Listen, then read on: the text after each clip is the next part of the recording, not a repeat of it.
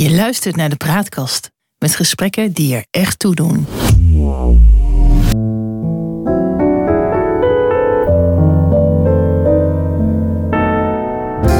Welkom bij de Praatkast.nl. Dit is een aflevering van het Geheugenpaleis. Mijn naam is John Knierim en samen met Han van der Horst maken we deze podcast. De geschiedenis herhaalt zich nooit, maar rijmen doet hij vaak wel. En in het Geheugenpaleis gebruiken we dat gegeven om dieper in te gaan op de actualiteit. Zo gaan we aan de baan van de dag voorbij en bereiken we de kern van het nieuws. We scheppen orde in de maalstroom van berichten die het zicht op de grote lijn belemmeren. We ontdekken wat werkelijk belangrijk is. En tussen beiden blijkt dat de werkelijkheid vaak genoeg elke fantasie te boven gaat. Inclusieve taal, daar gaan we het vandaag over hebben. En bij de voorbereiding hiervan stuitte ik op documenten van de Taalunie en ik kwam ook een stijlgids voor inclusieve taal tegen. Mij bekroop een nou, behoorlijk onaangenaam gevoel. Er dook een beeld van me op, bij me op van de taalpolitie die toezicht houdt of ik wel woke genoeg ben. En ik waande me ineens in het boek van George Orwell, 1984. En uh, in dit boek bedacht uh, George Orwell de Newspeak als een instrument om de vrijheid van gedachten en concepten die een bedreiging vormen te beperken. Han, ben jij blij met al die nieuwe regels voor de inclusieve taal? In het algemeen niet, omdat ik ze van slechte kwaliteit uh, vind. Maar ja. ik vind wel dat je in je stijl en woordgebruik rekening kunt houden met anderen. Ja, dat is natuurlijk wat anders dan, dan dat je bepaalde woorden niet meer mag gebruiken. Uh, nou, sommige woorden krijgen natuurlijk een uh, beledigende klank. Hè? Ja. Ik zal daar een voorbeeld van geven.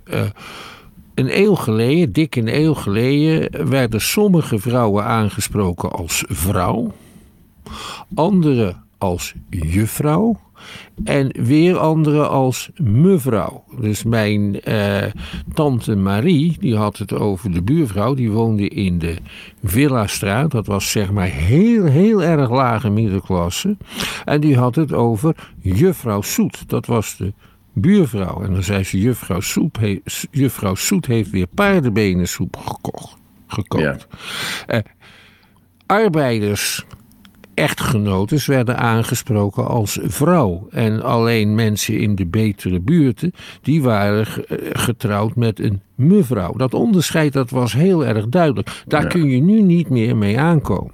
Met het woord neger ook niet. Nee. Tot 1970 was dat een heel normaal woord om mensen van Afrikaanse afkomst mee aan te duiden. En dat deden zij zelf ook. Maar dat heeft nu een heel slechte betekenis ja, gekregen. Dat is, uh... dat is vanzelf gegaan. Ja, er is zelfs nog door de zangeres zonder naam een lied gemaakt. Hij was maar een neger, zo'n zwarte, dat hou je toch echt niet in huis.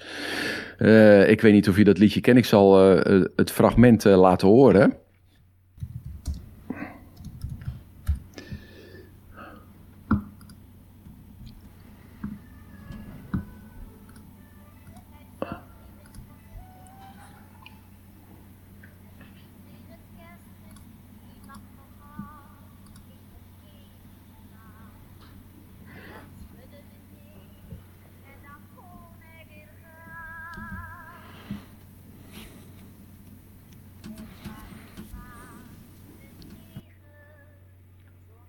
Nou ja, en zo gaat dat uh, door. Dat is een, uh, een, een hele grote, nou ja, niet een, in ieder geval een hit geweest. Ja, dat kan toch niet meer? Tegenwoordig niet meer, maar ja. in de context van de tijd en het taalgebruik van die tijd uh, is het heel goed bedoeld. Maar nou zullen we het op deze manier niet, uh, niet doen. En we luisteren naar met kromme tenen. Ja. Maar je kan er maar met kromme tenen naar luisteren. En tegelijkertijd begrijpen dat het in die tijd heel anders overkwam. Ja, ja, want waar hebben we het hier nou eigenlijk over als we het hebben over inclusieve taal? Dan gaat het over zaken die te maken hebben met de discriminatie, zoals het gewoord van het gebruik neger of het gewoord van het gebruik slaaf. Want ik begrijp dat je dat ook niet meer kan uh, nee, gebruiken. Nee, moet slaaf ja. gemaakt te zijn. Uh, uh, ja, is dat dan geen witte sneeuw? ja, dat is het ook. Uh, vaak ja. zijn de suggesties die gedaan worden om uh, andere woorden te gebruiken ja. Uh, taalkundig heel erg slecht, grammaticaal heel erg slecht. Het zijn gewoon geen goede suggesties in het, in het algemeen. En, ja. Nou ja, goed, ten aanzien van het woord neger, daar kunnen we ons op dit moment van alles bij voorstellen.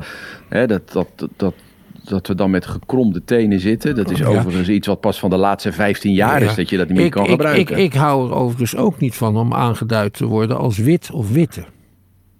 Nee, als blank. Want iemand, ja, want in, Nederland, in, het, in de Nederlandse taal hebben wij van ouds gebruiken we blank voor huidskleur en wit voor andere gelegenheden. Je kan wel wit zien, maar dan ben je niet, uh, dan ben je niet lekker. Maar aan de andere kant, als iemand mij wit noemt in teksten waarin het gaat over de witten, uh, is dat zelden positief bedoeld.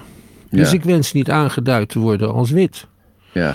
En anders weet ik nog wel een paar woorden die ik opnieuw zou willen introduceren. Zoals? Als iemand anders dat bepaalt, hè, hoe ik moet worden aangeduid. Overigens word je in uh, Afrika als uh, blanke Mzungu genoemd. Ja, ik weet, wat, niet, hoe je, ik weet niet hoe je dat moet vertalen. Ja, als, als degene die wit is, de witte. Ja, nee, maar in, in de meeste andere talen van Europa is er ook geen verschil tussen blank en wit. In het Frans bijvoorbeeld, want daar is blank en wit in beide gevallen blank. En in het Duits is het wijs en in het Engels is het white. Ja. Ja, dus er is geen enkele reden om op dit gebied aan de Nederlandse taal te kloten.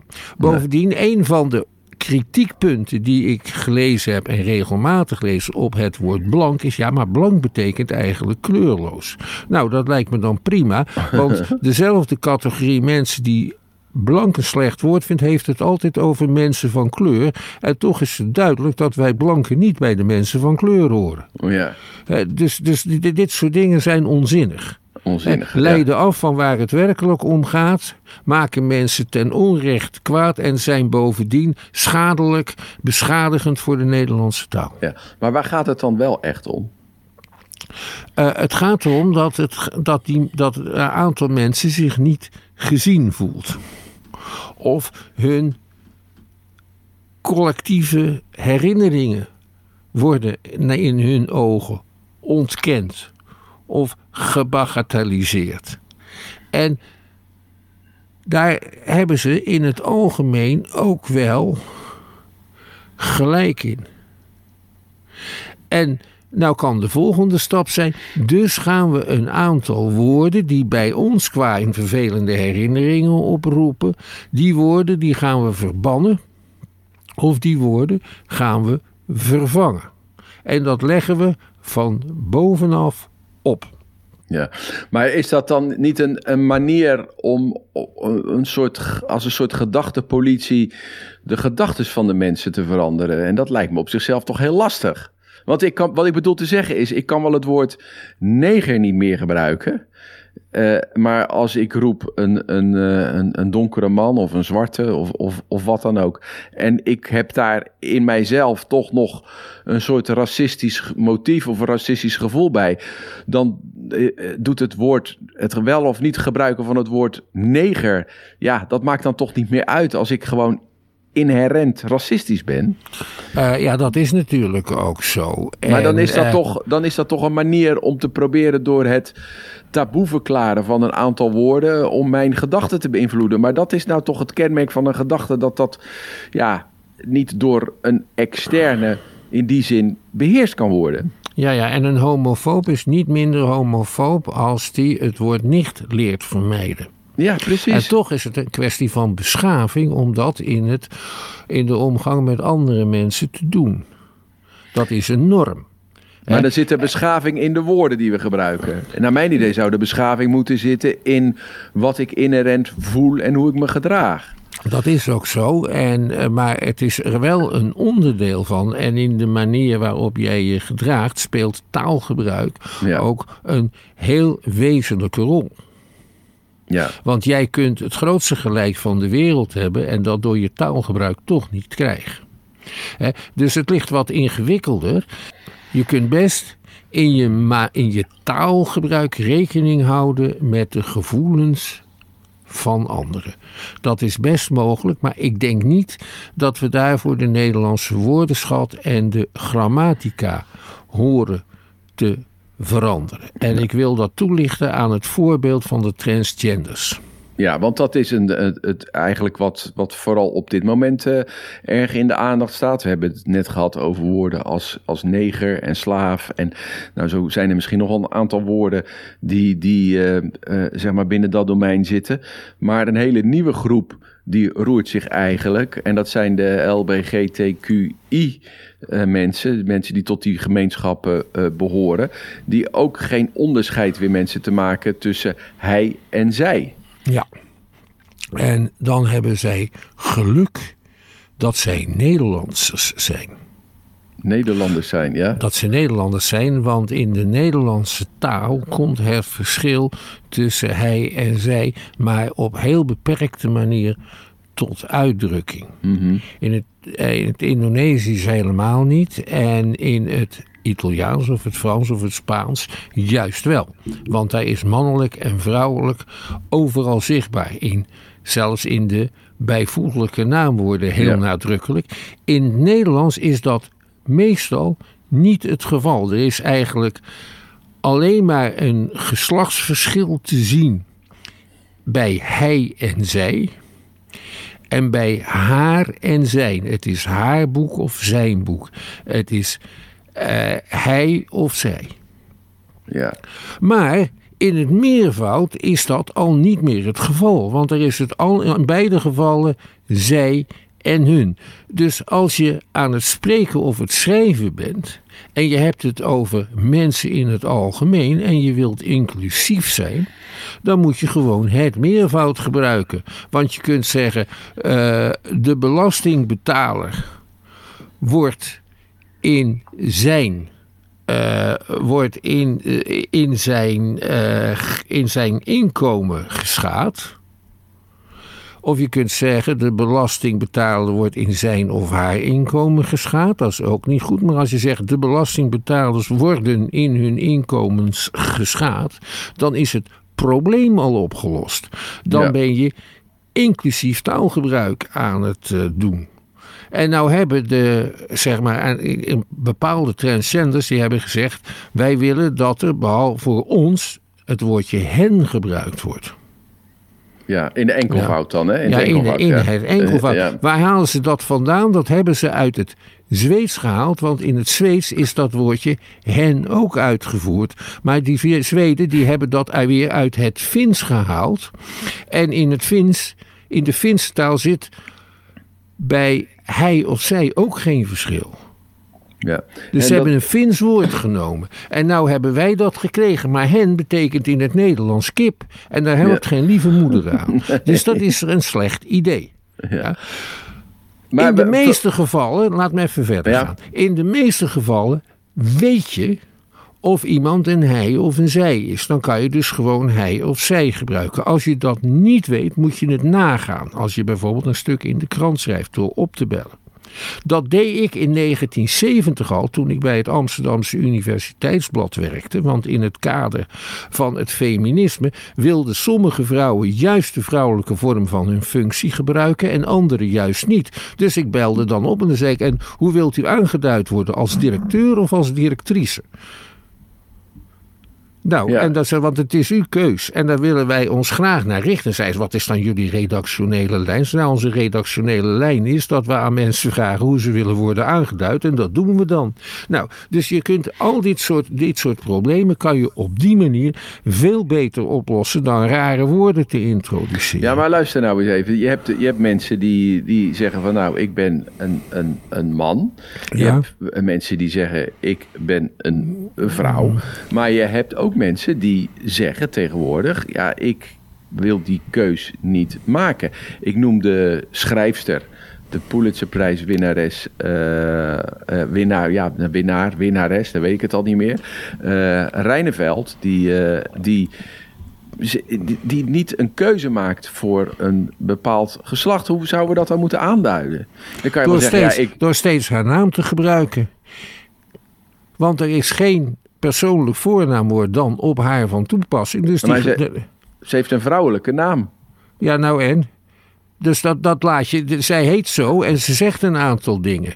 En in het algemeen is het ook in de communicatie volstrekt oninteressant wat iemands seksuele oriëntatie is en uh, wat, hoe iemand zich definieert als man, vrouw of iets anders. Dat is maar in heel specifieke omstandigheden van nou betekenis. Uh, dus daar hoef je toch niet. Hè, dus, als dus ik jou maar, in als haar ik jou, geval, ja, als zij als- niet aan wil, wil worden geduid als hij of zij, dan doe ik dat niet. Maar Nee. dan gebruik ik gewoon steeds haar naam. Ja, dan zeg je haar naam. Daar heb je toch het probleem. Het zou toch ook heel raar zijn als ik, als ik mevrouw van der Horst tegen jou zou gaan zeggen. Nee, dat is, dat is het ook, maar dat zeg ik dan ook niet meer. Ja, en, ik maak daar, en de mensen maken daar fouten in. Onbewust. Dat komt omdat ze een vrouw, dat- omdat ze, ze heeft zowel een vrouw, hij, Maria, ik moet dus steeds Reineveld zeggen. Ja. Dus Reineveld heeft, zo, heeft een naam die eh, met vrouwelijke en mannelijke kenmerken. En zij wil niet, en me- mevrouw Reineveld, eh, en Reineveld, zie je, dit is heel erg moeilijk. Ja, om dit Ja. tot stand te brengen. Precies, merkt, dus dat- ik, ben, ik ben van goede wil. Ja. Hè, en als ik nu een tekst schreef, zou ik dat netjes kunnen checken. Waar staat er zij, even weg, Reineveld, Ja. enzovoort. Ja, dus dat valt nog niet mee om dit tot stand te brengen. Het zal niet vaak voorkomen dat het moet. Wacht nou even, dat, is, dat, dat vind ik ook een beperkt gedachte. Je ziet dat, dat als je het hebt over, over genders, dat daar een bepaalde fluiditeit eh, eh, zeg, zeg maar, ja, meer en meer naar voren komt. Ja. Dat we dat met z'n allen normaler gaan vinden, ook een soort eh, bevrijding. Eh, voor jongere generaties is dat eigenlijk nog ja, veel natuurlijker dan dat dat voor, eh, eh, eh, voor Ja. ons is.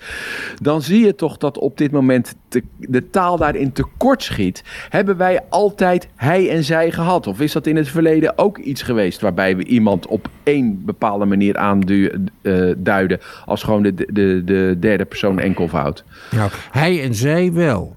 Eh, maar heel veel andere dingen weer niet. Die zijn kunstmatig in het Nederlands gebracht. Hè. Latijn Ja. heeft bijvoorbeeld naamvallen. En dat heeft het Nederlands niet. En, maar Latijn was in de 17e eeuw de superieure taal. Dat was het voorbeeld. Nou, dan ga je met dialectwoorden bijvoorbeeld eh, Nederlands ook voorzien van naamvallen. En wordt het, ik zag niet de man, maar ik zag den man. Ja, maar dat heeft het uiteindelijk niet gehaald, want niemand Nee. gebruikt dat meer. Nee, het is wel tot 1934 eh, is het in de spelling gebruikt. Verplicht. Ja, dus, ehm, eh, dus, dus, dus dat, soort, dat soort dingen, zoals we nu zien, zijn wel geprobeerd. Zij het minder duidelijk van. eh, Ja, maar, eh, dat, maar, maar dat was vanuit een meer theoretische benadering van de Ja. taal. Waarin gezegd wordt, we kijken naar het Latijn. Ja. En dat moeten we dus zorgen dat we die grammatica ook in het Nederlands toepassen. Die overigens in het Duits wel toegepast worden. Maar nu zitten we gewoon met een praktijk dat er zich een groep mensen... eh, eh, die wil niet, zich niet definiëren tot, tot, tot de twee genders die we tot nu toe altijd gekend hebben. Dat, Ja. dat, dan hebben we toch, moeten we daar toch een oplossing voor bedenken met elkaar. Dan kunnen we toch een, een woord voor verzinnen. Ja, maar dat, dat, daar moet je wel een goed woord voor. Er is één woord wat je zou kunnen gebruiken. Dat is een heel deftig woord. Dat werd in de 19e eeuw veel gebruikt. Als in heel deftige teksten. En dat is dezelfde. En dat kun je gebruiken voor hij en zij. Allebei Oh, dezelfde. dezelfde. En als het gaat om personen van koninklijke bloeden, dan is het hoogst dezelfde. Dus als Almalia transgender blijkt, is er niks aan de hand. ja. Maar goed, eh, jij, jij zegt van nou, we moeten eigenlijk als oplossing vooral die meervoudsvorm eh, eh, kiezen. Maar ja, er is maar één, één schrijver, Reineveld. Ja, nee, dan, en dan moet je dus steeds de naam van Reineveld gebruiken. Je ziet, ik begin al te leren om haar en zijn, Ja, om dat te vermijden. Maar daar moet je echt je best voor doen, dat is ook duidelijk. ja, Maar, er zijn, maar gelukkig is het maar een minderheid die tot dit soort oplettendheid aanleiding geeft. Dus het komt niet zo vaak voor. Dat heeft het voordeel dat je eh, meestal rustig te worden hij of zij kan, kunt gebruiken. Maar ook dat het lastiger is om te leren die fouten niet te maken. En je Ja. kunt fouten bewust maken. Of, eh, en je kunt excuses zoeken voor fouten. Maar je kunt ook je best doen. En ik probeer mijn best te doen. Verder, als er mensen, als, als mensen eh, op dit programma willen reageren, eh, ze kunnen mij rustig aanduiden als man. ja, maar daar maak je toch weer een beetje belachelijk mee, het hele gebeuren. Ja, Terwijl het heel, veel, heel veel mensen toch ook een serieuze zaak is. Dat is waar, maar je moet toch ook wel ergens een grap over kunnen maken. Nee, natuurlijk moet je ook een grap kunnen maken. Hen uh, is ook een grap natuurlijk, als je jezelf als kip wil aangeduid zien. ja, Ik snap dat dat ook een grap, uh, grap was. Nou goed, uh, hoe, hoe gaat dit nou verder? Hebben we in het verleden vaker zaken gehad waarin er ja, dit soort zaken een rol speelden? Ik herinner me in de 70 jaren dat je bijvoorbeeld seks met EKS kon schrijven en cadeau met K-A-D-O, maar dat waren meer spellingachtige dingen. Ja, dat is spelling. Dus je moet een scherp onderscheid maken tussen spelling en taal en grammatica. Spelling is gewoon een code. Een code die we met elkaar hebben afgesproken, zodat we woorden herkennen als ze opgeschreven zijn. Maar in de, uh, het was modern en progressief zo rond 1960, om waar de C als een K uitgesproken werd, ook een K te schrijven. En ook om allerlei Franse woorden, zoals cadeau, hè, dat is met C-A-D-E-A-U, om daar cadeau van te maken, K-A-D-O. En socialistisch met I-E-S aan het eind in plaats van met I-S-C-H. Ja. Uh, en zoals zo kon je aan je spelling laten zien dat je aan de goede kant van de geschiedenis komt, om zo te zeggen. En voor anderen die dan lazen, die werden daar boos van. Dat waren dan bijvoorbeeld de abonnees van de Telegraaf, dat waren er toen 750.000, bijna het dubbele van tegenwoordig. De lezers van de Telegraaf, die zagen aan jouw kaas in je briefjes dat je juist in hun ogen aan de verkeerde kant van de geschiedenis stond en Nederland te gronden probeerde te richten. En zo krijgt dan spelling iets politieks. En eh, dat is wat anders dan taal. Want taal, dat betekent het verbieden, taal veranderen, betekent het introduceren van nieuwe woorden en het verbieden, zeg ik nu net, van andere woorden. Maar woorden worden niet verboden, woorden raken in onbruik of ze krijgen, wat wij op de middelbare school geleerd hebben, een pejoratieve, een ongunstige betekenis. En dat is, dat is een natuurlijk proces waar niks tegen te doen valt. Nee, dat, dat, dat, dat laat zich niet opleggen van hogerhand.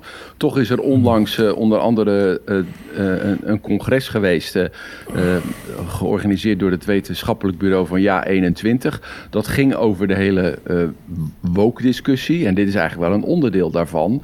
En, en wat je daar wel of niet tegen zou moeten doen, omdat mensen dit ook een ondermijning vinden van de Nederlandse cultuur. Ook onder, aanleiding, onder aanvoering van iemand als Wierduk van de Telegraaf, die zich daar erg over op uh, de Nederlandse cultuur is stevig geworteld en die gaat niet zo gauw te gronden. En zeker niet aan enkele mensen die bepaalde woorden taboe willen verklaren. Daar hoef je je geen zorgen over te maken. Dat is mhm. allemaal sterk overdreven hoe gaat dit dan verder? Wanneer, hoe, hoe gaat deze discussie verder als je, als, als je dat in historisch perspectief plaatst? En zijn er voorbeelden in het buitenland? Uh, nou, het beste voorbeeld uit het buitenland is, uh, is het woord neger, dat in heel veel uh, landen taboe is verklaard. Ja. eigenlijk in navolging van de Verenigde Staten, behalve overigens in Brazilië. Ja, negro. Want, want daar wordt dat heel. Dat, dat betekent gewoon zwart. Maar in, in het Braziliaans-Portugees heb je een ander woord voor, uh, voor, voor, voor zwart. Dat is preto. En dat wordt daar wel als een belediging ervaren. Want dat betekent zoiets als zwartje. Maar goed, die discussie die, die eh, in een heleboel andere landen speelt, die ook alweer op, op een vlak, maar, uh, op een bepaald vlak. Hoe loopt dat af? Uh, nou, taal laat zich niet dwingen. Taal is altijd aan verandering onderhevig. Dat zie je meteen al als je teksten leest uit de Gouden Eeuw. Die zijn al behoorlijk onbegrijpelijk. Ja. Uh, en dat, dat laat zich niet echt beheersen. Dat heeft erg te maken met mode. Dat heeft erg te maken met gevoel. Uh, er is nu in de grote steden een straattaal ontstaan met heel veel Arabische en, en Surinaamse kenmerken. En die gaat langzamerhand ook invloed uitoefenen op het standaard Nederlands. Want als ik nu eh, tegen jou vertel dat het met mijn doekoe slecht gesteld is, dan weet je toch wat ik daarmee bedoel. Zeker, zeker. En, en, en tien jaar geleden had je dat niet geweten. Nee, je bent behoorlijk getotaliseerd, zou ik wel kunnen zeggen. Ja, ja nou, ik, ja. En ik weet ook wat een scout toe. Wat is dat dan? Dat ken ik politie, niet. Dat is een Surinaamse... Scout toe, dat is een verbastering van het woord scout. Dat is een politieagent. Maar oh. dat is ook niet, niet... Ja, het is in het Surinaamse een neutraal woord. Maar in straattaal is het volgens mij niet positief bedoeld. Maar, daar, wil ik wat, daar wil ik van afwezen. Want die straattaal staat 60 jaar van mij af. Want ik ben 72 en ik spreek die taal niet. Ik hoor wel eens woorden. Nee, maar wat je zegt eigenlijk is dat, dat op basis van, van allerlei ontwikkelingen de taal continu aan veranderingen onderhevig is. En steeds rijker wordt in het algemeen. Aan die straattaal gaat het Nederlands ook. Dat straat, die straattaal gaat het Nederlands ook verrijken. Ja. Ja, maar taal kun je ook gebruiken om uh, je status te bepalen. Ja. En dat gebeurt natuurlijk ook in hoge Zeker. mate. Hè? Er zijn accenten, eh, daar kom je niet ver mee. En er zijn accenten, bijvoorbeeld de aardappel in de keel, daar kom je juist wel ver mee. Ja, althans dat uh, denken die mensen dan. En ja, zo, dat is ook vaak zo. En zo zie je ook dat bijvoorbeeld het gebruik van hun en hen uh, door uh, 90% van de Nederlanders tegenwoordig fout gebruikt wordt. Ja, nee, maar dat is ook zo. weet je hoe dat komt? Dat komt omdat hun en hen is in de 17e eeuw ook door allerlei geleerden ingevoerd, omdat je een verschil tussen hun en hen iets vergelijkbaars ook in het Latijn hebt. En mannelijk en vrouwelijk in het Nederlands komt maar in zeer beperkte mate voor. Want als het gaat over, laten we zeggen, één fabriek. De fabriek is dat mannelijk of vrouwelijk. Dat weet je niet. Dat moet je eigenlijk opzoeken. En dat is ook destijds kunstmatig ingevoerd. Want in het Latijn heb je een heel sterk verschil tussen mannelijk en vrouwelijk. In Nederlands komt dat maar in beperkte mate voor. Dus dat is erg prettig voor die transgenders. Dus de Nederlandse taal is voor hen een welkomtaal. En niet een taal van die weerbarstig is. In het Italiaans hebben ze nu een plan om uh, uh, het, het, verschil tussen mannelijk en vrouwelijk te verminderen bij bijvoeglijke naamwoorden. Want er komt in elk bijvoeglijk naamwoord voor. Want in Zuid-Italië, in bepaalde dialecten, komt dat niet voor. En is het, het eind, de eindklinker van een bijvoeglijke naamwoord altijd iets als u. Zo, nou, als we dat nou dat Zuid-Italiaans gaan invoeren, lees ik in onze taal, dat Zuid-Italiaanse woord, is het opgelost. Maar staat er in het stukje van uh, onze taal terecht bij, is meteen het bewijs geleverd dat veranderingen in taal, of dat de aard van de taal, niet zegt over de emancipatie van de vrouw, want daar is het in Zuid-Italië slecht mee gesteld. Ja, ja, ja, ja, ja, precies. precies. Nou ja, samenvattend. Uh, uh, uh, ja, de taal laat zich niet, niet, niet dwingen. Niet dwingen? dat is wat anders dan dat je niet probeert in de wijze waarop je je uit rekening te houden met de gevoelens van een ander. Zo begonnen we. En ik denk dat het ook goed is als we zo eindigen. Ja. En nou ja, we zullen de komende tijd wel gaan zien hoe die discussie, uh, ja, hoe die discussie verder loopt. En ik denk dat die discussie ook van belang is om uiteindelijk hier naar een, een volgende fase te komen. Tot zover deze aflevering van het Geheugenpaleis. We maken dit in samenwerking met de Praatkast. En de uitzendingen zijn te vinden op www.praatkast.nl. Je kunt je ook abonneren op onze podcast in je favoriete podcast-app. Dan krijg je automatisch een bericht waarin een nieuwe aflevering online komt. Vertel je vrienden over ons en laat een beoordeling achter, zodat we nog beter gevonden worden. En wil je ons mailen, stuur een bericht aan info.praatkast.nl. En op de praatkast.nl zijn nog veel meer podcasts te vinden van de Praatkast. Bijvoorbeeld Nu is Later. In Nu is Later interviewt Victor Chevalier mensen over de vraag: Ben je geworden wat je wilde worden? Te beluisteren op depraatkast.nl en de titel van deze podcast is Nu is Later. Voor nu bedankt voor het luisteren en tot een volgende keer. Wees gelukkig, blijf gezond.